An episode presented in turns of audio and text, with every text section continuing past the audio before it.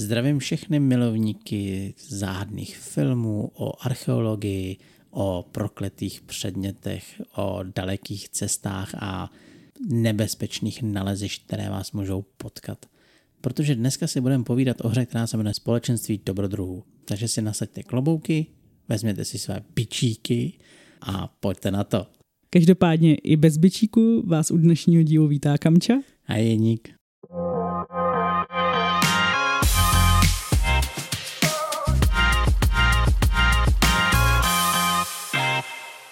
Ani dnes si neodpustím výzvu, že pokud byste cokoliv chtěli nám říct, napsat, cokoliv nám sdělit, tak se můžete na nás obrátit na sociálních sítích, můžete nám napsat i na Spotify a můžete nám napsat samozřejmě i na e-mailu. Celkově hodně sledujeme Spotify a Instagram. Na Spotify vždycky ke každému dílu dáváme nějaké otázky a jsme moc rádi, že nám na ně odpovídáte, jako třeba naposledy, kdy jsme se ptali, jakou vaši detektivku máte nejradši, tedy jakou sérii třeba. Bylo pro mě velkým překvapením, i když to si nechám naposled, jak ta anketa dopadla.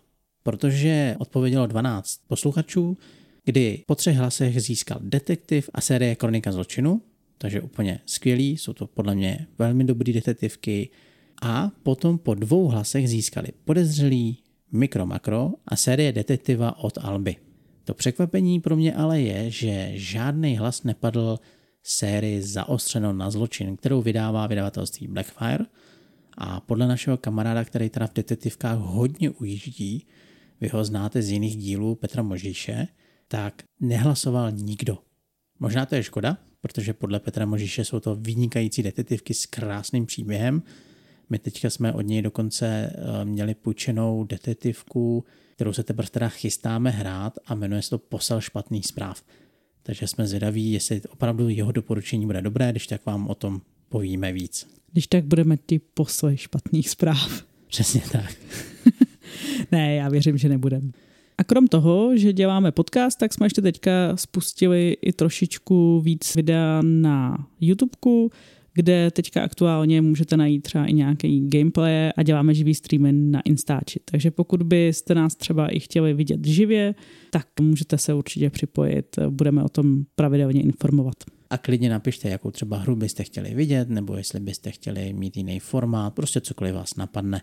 Ale my už se vracíme zpátky ke hře, která je dneska na stole a to je společenství dobrodruhů.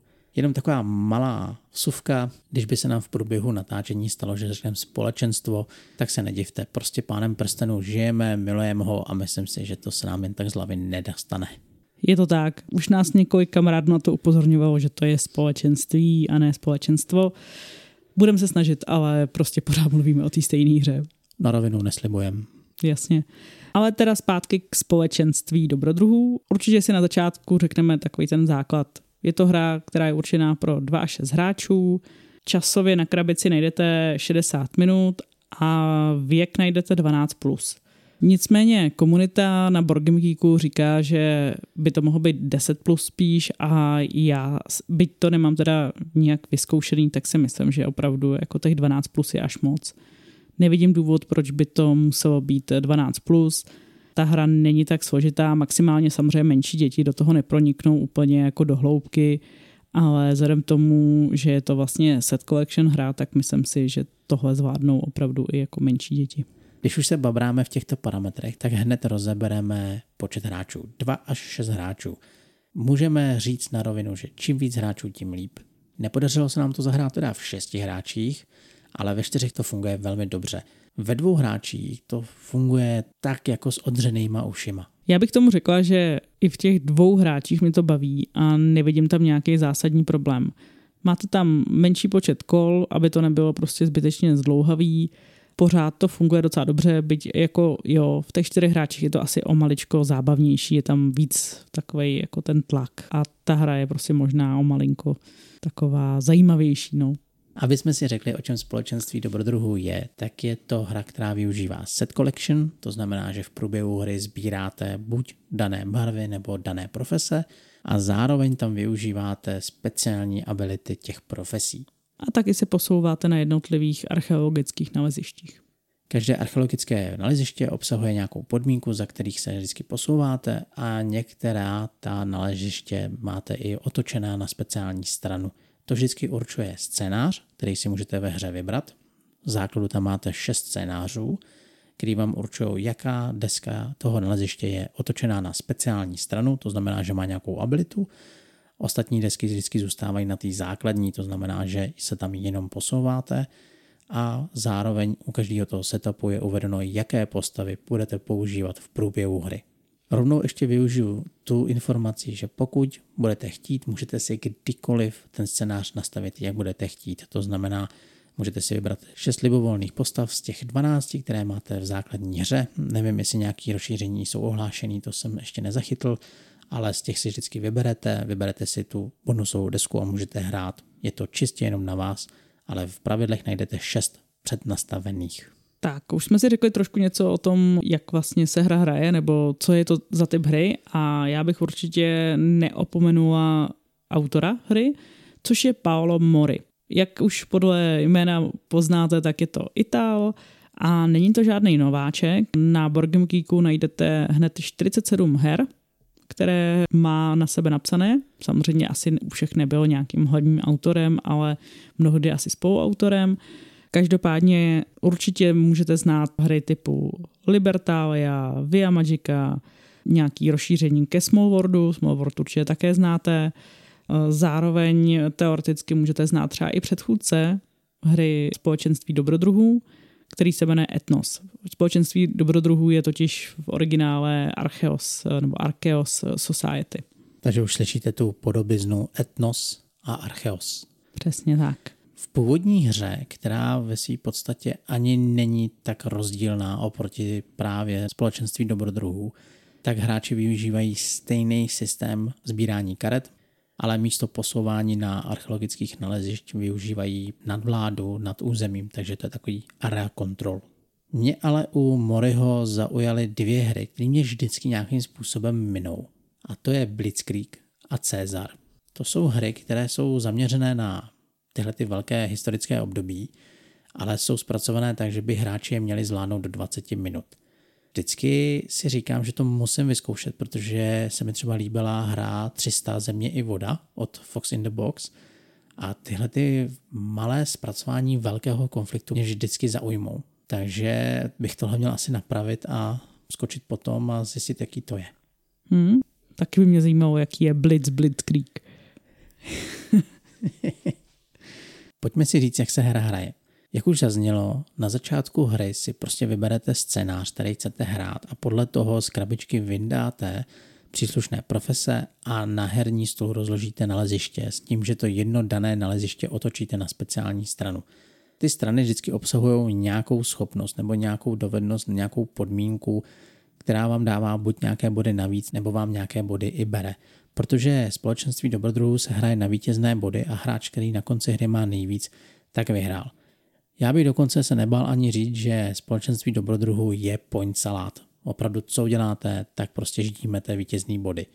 Z těch 12 profesí si vezmete teda 6 určených, všechny ty karty do sebe naprosto zamícháte, čím víc, tím líp a potom balíček rozdělíte na dvě půlky s tím, že do té druhé, do té spodní dáte tři karty, které zobrazují sochy opic a jakmile se vytáhne během hry třetí opice, tak to dané kolo končí. Hra se totiž hraje dvě až tři kola, to záleží na počtu hráčů a jakmile se právě objeví ta opička, tak spočítáte všechny vítězné body, co jste získali za expedice a za archeologické naleziště.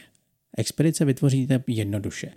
Vy totiž v průběhu hry máte možnost buď si vzít kartu z nabídky nebo z balíčku, anebo zahrát z ruky expedici. Když se rozhodnete, že v ruce už máte dost karet, abyste vzali nějakou expedici, tak si nejdřív zvolíte vůdce expedice. To znamená, že určíte, která profese je pro vás primární, potažmo její barva. A pak za ní už skládáte buď barvu nebo profesi. To záleží na to, jak jste ty karty poskládali. Ale ten vůdce té expedice určuje, jakou abilitu využijete. A ty ability jsou různý. Může tam být třeba pilot, který vám umožní se pohnout na libovolném archeologickém nalezišti. Místo toho daného podle barvy.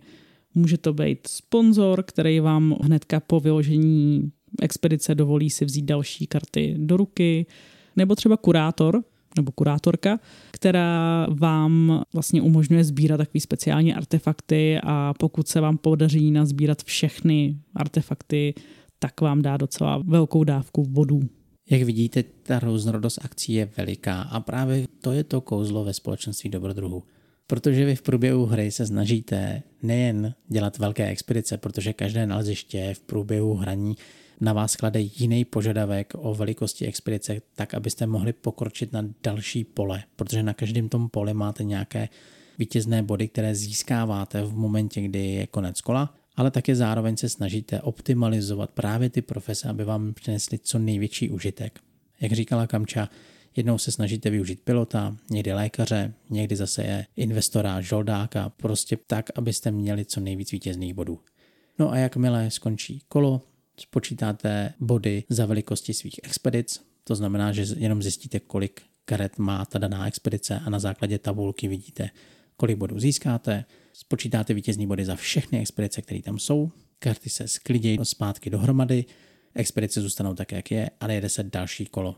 No tak hrajete pořád dál a dál, dokud někdo z vás prostě nevyhraje na konci celé hry. S tím, že ve dvou nebo ve třech hráčích se hraje na dvě kola, a e, pokud hrajete ve čtyřech a více hráčích, tak na tři kola. Potom, co jsme hru několikrát hráli, tak nám průměrný čas vychází na hodinku až čtvrt až hodinku a půl na sezení. A možná právě tahle jednoduchost odstartuje náš první plus, protože na společenstvu dobrodruhu rozhodně oceňuju to, že to je jednoduchý. Je jednoduchý tu hru rozložit, tu hru si zahrát a zase ji rychle složit. Musím pochválit, jak ten insert ve hře funguje, protože zde máte prostě papírový insert, ale který nevyhodíte. Dostanete tomu takový záložky, který postrkáte na jedné straně a vytvoříte si přehrádky pro karty, které se tam vyjdou dokonce i obalený, takže všechno funguje perfektně a za tohle to dále dávám velkou pochvalu. Je pravda, že srdce organizovaného hráče, který má rád prostě ordnung, tak tady zaplesá, opravdu to vypadá krásně, je to moc pěkný, hezky udělaný a ty obalené karty, to je wow, já celkově teďka vítám tahle tu změnu maličko. Nevím, jestli je to jenom náhoda, že jsem natrefil na dvě hry, které se tím letím trošku zabývají, protože vedle toho jsme teďka rozbalili hru Vesnička od Razer a tam mě hrozně potěšilo, že tam byl kartonový insert, který si člověk vyloupal a složil. Možná by to vůbec nebyla špatná jako myšlenka do budoucna, aby ty hráči si prostě koupili hru rovnou s insertem a místo toho, aby tam dávali tunu plastu, nic proti tomu, ale někdy se spíš stává, že ty plasty, které tam vevnitř jsou, prostě vyhazují, protože nejsou vůbec na obalené karty.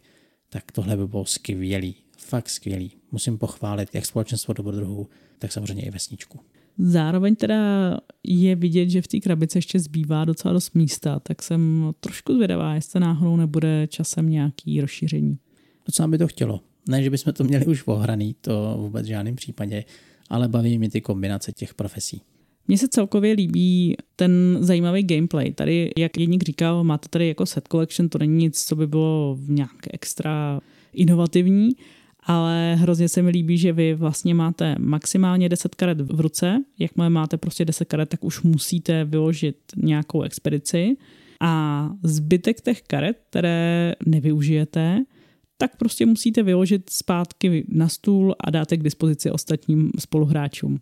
Takže to tak jako hezky prostě v člověku, že člověk přemýšlí, jako jestli jak velkou expedici chce vykládat, jestli chce třeba riskovat, že by mohl třeba tu expedici mít jako větší, tu, kterou má vymyšlenou, že chce udělat, tudíž si nalíže další karty, ale když mu nedojdou ty dobrý, tak se může stát, že prostě pak bude muset půlku ruky nebo i někdy víc než půlku ruky vyhodit na stůl, nebo tam prostě už jako dá zajímavý karty těm spoluhráčům. Je to prostě takové jako zajímavá eh, část té hry.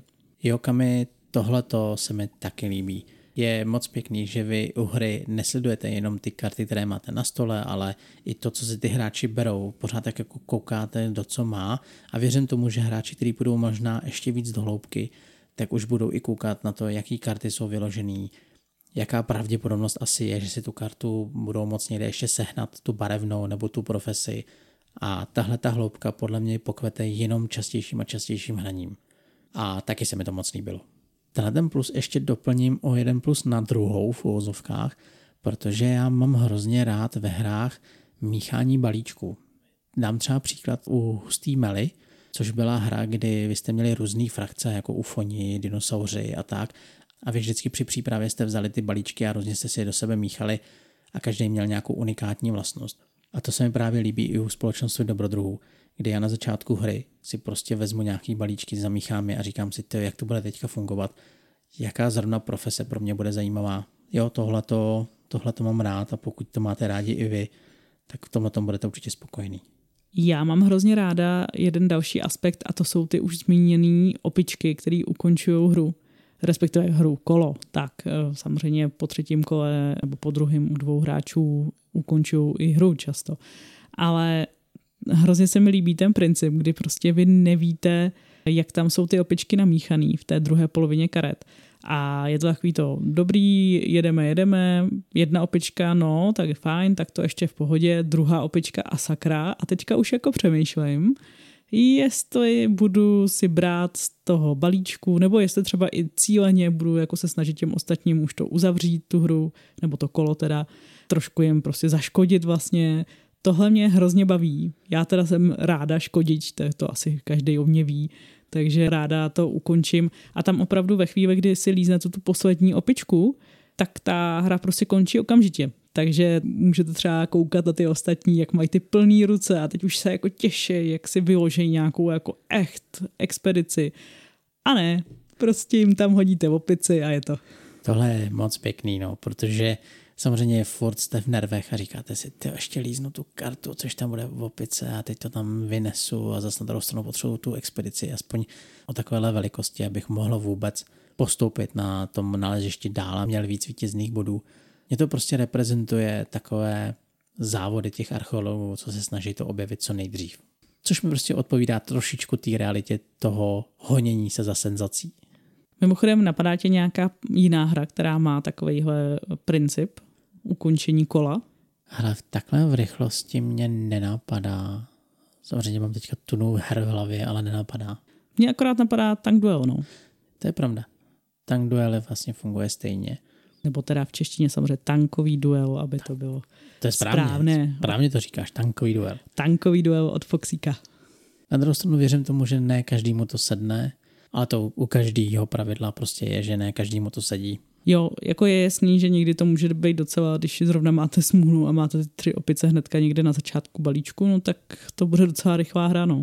Nebo rychlý kolo.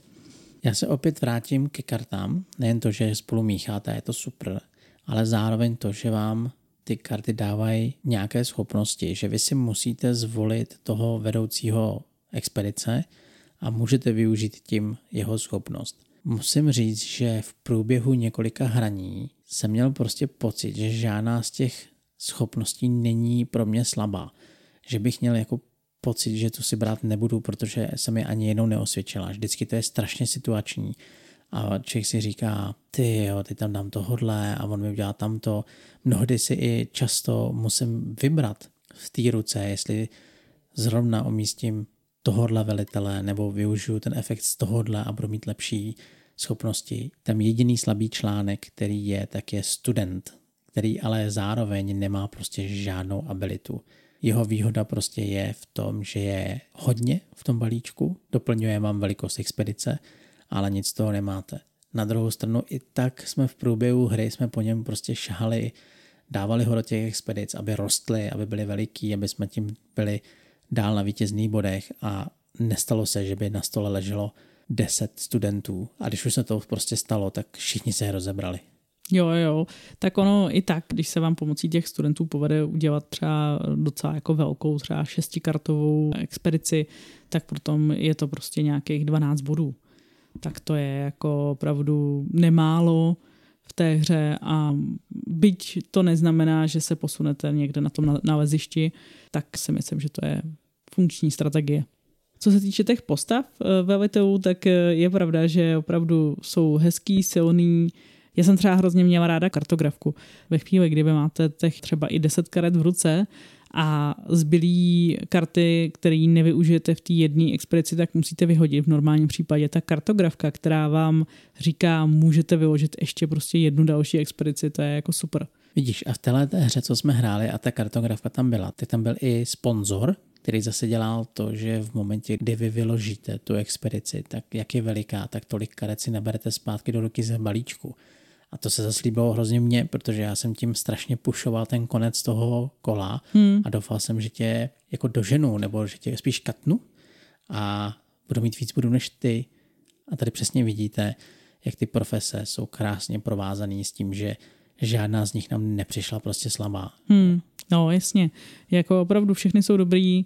V jiné hře zase jsme hráli lékaře, který vám umožňuje si vracet, nebo ne vracet, ale nechat si v ruce tolik karet, který člověk vlastně vyhožil v té expedici, takže zase jako super třeba když nechcete nějaký konkrétní karty dávat soupeřům, tak si je můžete prostě nechat. Tohle jako všechno opravdu hezky funguje a každá ta hra je díky té kombinaci těch postav, která je prostě po každý jiná, nebo může být po každý jiná, je to jako zajímavý a je tam velká ta znovuhratelnost. No a já teďka vystřelím svůj poslední plus a zase se možná budu už trošku opakovat, protože ten plus se týká herních desek, tedy archeologických nalezišť. Jak už jsem říkal, každé naleziště má svoji obyčejnou stranu a stranu speciální. A to se mi líbí, že zase ta herní variabilita nešla jenom tou cestou karet, ale i těma herníma deskama, který tam najdete. Já jsem zapomněl zmínit to, že každé naleziště má svou barvu, stejně jako karty, ty barvy spolu souvisejí a vždycky na tom nalezišti je počet karet, který musíte zahrát té expedice, abyste se mohli pošoupnout směrem dál. A tím, že každé to naleziště zároveň i jiné, má jiné vítězné body, některé mají dokonce políčka, které mají minusové body, to znamená, že tam sice chcete vkročit, abyste skočili do dalšího, lepšího pole, ale na druhou stranu se bojíte, že třeba ta hra se ukončí a vy začnete ztrácet.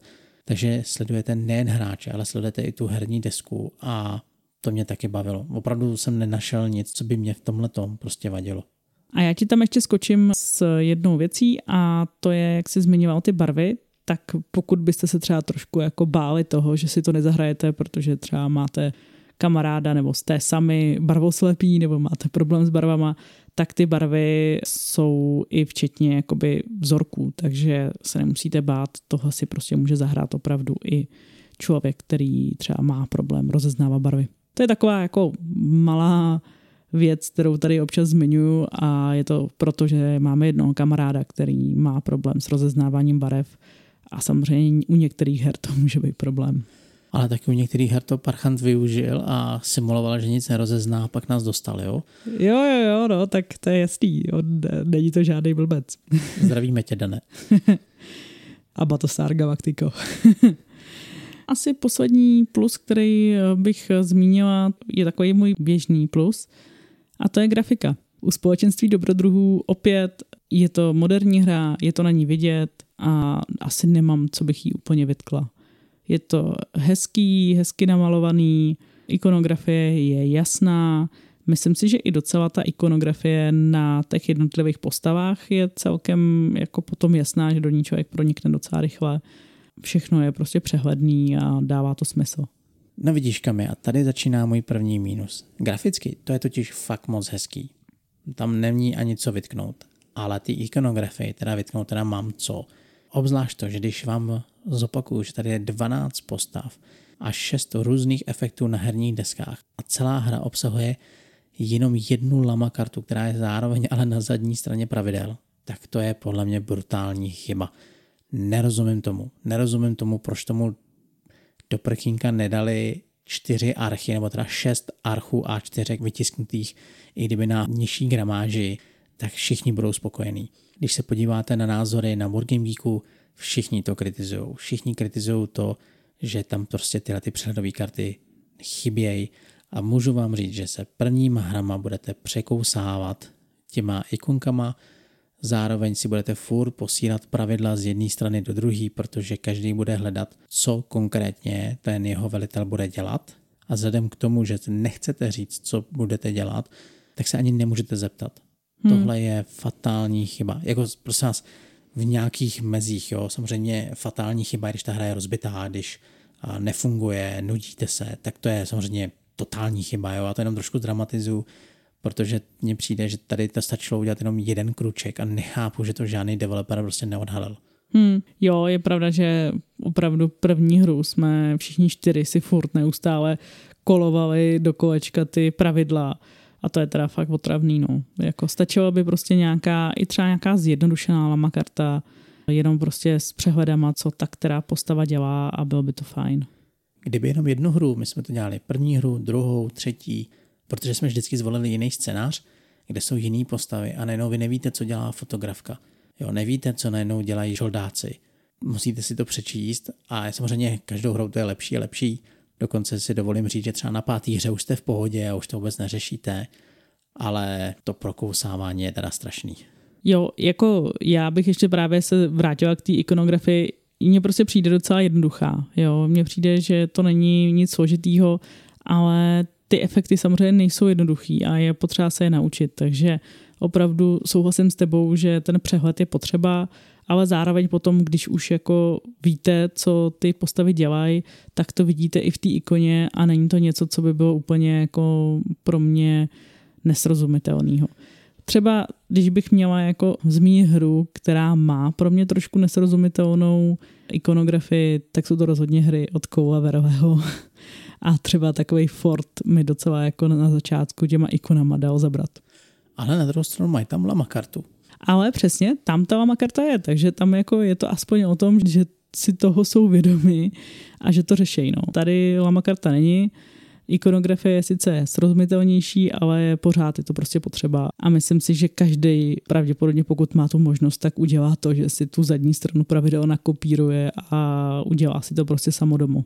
Já mám minus v tom, co jsi zmiňoval, že je potřeba vlastně po každý rozmíchávat karty. A prostě tahle hra je samozřejmě hodně závislá na tom, aby člověk měl dobře míchat karty. jako opravdu ve chvíli, kdy to blbě rozmícháte, tak se může stát, že to bude prostě takový jako všelijaký, že tam budou nerozmíchaný ty expedice třeba z těch předchozích kol. A pokud někdo třeba neumí míchat velký balíčky karet, tak prostě to může být jako trošku problém. To s tebou souhlasím, no. Všichni, co hrajou karetní hry, nebo spíš Magicy, tak budou v pohodě. Hráči, kteří hrajou výjimečně, tak to budou mít těžší. No, já to říkám i trošku, protože já sama jsem právě člověk, který jako moc míchat neumí. Jako už je to teda mnohem lepší, jo. A díky bohu máme obalené karty a ty se mi ještě míchají jako vodost líp, takže je to i třeba pro mě důvod, proč prostě jsem ráda, že obalujem. Právě proto, že to neumím, tak si můžu představit, že to je problém a jsem ráda, že mám tady míchače jeníka. Můj poslední mínus už tu zazněl a to je to, že ve dvou hráčích mě to tolik nebavilo. Možná bych to řekl jinak. Ve dvou hráčích to není špatný je to odpočinkový, spíš tam ten závod už ani nevidím, ale užívám si tu hru v podobě toho, že kombím ty karty a že sbírám ty expedice, jaký potřebuju. Ale ve dvou hráčích už prostě můžu šáhnout po jiných deskovkách, které jsou určený přímo pro dva hráče. A tady ty hráči prostě chybějí. Jo, jako rozhodně i já si myslím, že společenství dobrodruhů je lepší hrát ve více hráčích. Opravdu v těch čtyřech, pěti hráčích je to jako fajn. Já asi úplně poslední věc, kterou bych zmínila, takový minus, ne minus, není to nic, co by bylo úplně zásadního a to je to, že vlastně na těch deskách těch jednotlivých nalezišť máte jiný názvy, než které máte v pravidlech. V pravidlech je máte přeložený do češtiny, zatímco na těch deskách jsou ty původní názvy vlastně v podstatě z těch původních jazyků. Ale to se mi třeba líbí. Může to být pro někoho matoucí, proto to zmiňuji. Jo, jo, kdyby to měli stejně i v pravidlech, úplně super. Hmm. Je to samozřejmě detail, ale bylo by to super. Ale líbí se mi, že to nechali v těch původních jazycích. Asi nejvíce se to týká třeba údolí králů, který prostě jasně v pravidlech je údolí králů a tady je jako ta seket mát. Jo, to může člověka trošku, jako že si říká, sakra, kde mám to údolí králů. Ono tam je naznačený vzorek, jak jsem říkal, že ty barvy jsou i jako vzorky. Podle toho to poznáte, že jste na té správné desce, ale může to být prostě takový lehce matoucí. A my jsme si vystříleli veškerý minusy. Budu asi upřímný při závěrečném slovu a to je to, že jsme ani moc minusy hledat nechtěli. Já za sebe jsem neměl ani potřebu se v tom vrtat. Prostě to beru jako příjemnou rodinnou hru určenou pro spíš začínající hráče nebo hráče, kteří si chtějí užít večerní hraní s více kámoši a nechtějí moc řešit pravidla, nechtějí moc řešit těžké strategie, těžký eura tomhle tom ta hra funguje výborně a, a zároveň v tomhle pohledu jsem ji hodnotil. prakticky bych řekl, že té hře ne, že bych neměl co vytknout, ale jsou to takové drobnosti, že spíš vítězejí ty plusy. Na druhou stranu je mi líto, že spíš v našich herních skupinách se ta hra neujme, protože přece jenom mám kolem sebe větší hráče, kteří už chtějí tu hloubku, chtějí hodně věcí jakoby řešit a hledat cesty, takže společenství dobrodruhů, ač je to pro mě moc hezká hra, tak vím, že na stole nebude tak často, jak bych si přál. Já si myslím, že opravdu je to taková hra, která by se opravdu dala mezi možná většími hráči zařadit opravdu do té kategorie filler. Jo, ono jako, když se řekne filler, tak si člověk spíš představí možná kratší hru, než je společenství dobrodruhů, ale tím asi, jak je to relativně pravidlově jednoduchý a takový jako pohodový, tak to může být docela dobrá hra, když čekáte na někoho, než třeba kdo se spozdil a přijede anebo prostě chcete vyplnit po dvou mozkožroutech, teď nemyslím tu hru, ale myslím nějaký jako brutální eura třeba, který vám opravdu jako zavaří mozkový závity, pokud to chcete prostě trošku jako uvolnit a chviličku si odpočinout, tak to může být dobrá volba. Tak vidíte, máme za sebou archeologická naleziště, našli jsme spoustu artefaktů, spoustu krásných věcí. Věřím tomu, že pro mnoho z vás ta hra bude moc hezká, bude příjemná a doufám, že se k tomu dožijeme i nějakého rozšíření. Na druhou stranu myslím si, že ta herní variabilita je tak obrovská, že to možná ani není potřeba. Takže děkujeme za váš poslech, budeme se těšit zase příští týden a užívejte zbytek prázdnin. Mějte se krásně, ahoj. Ahoj.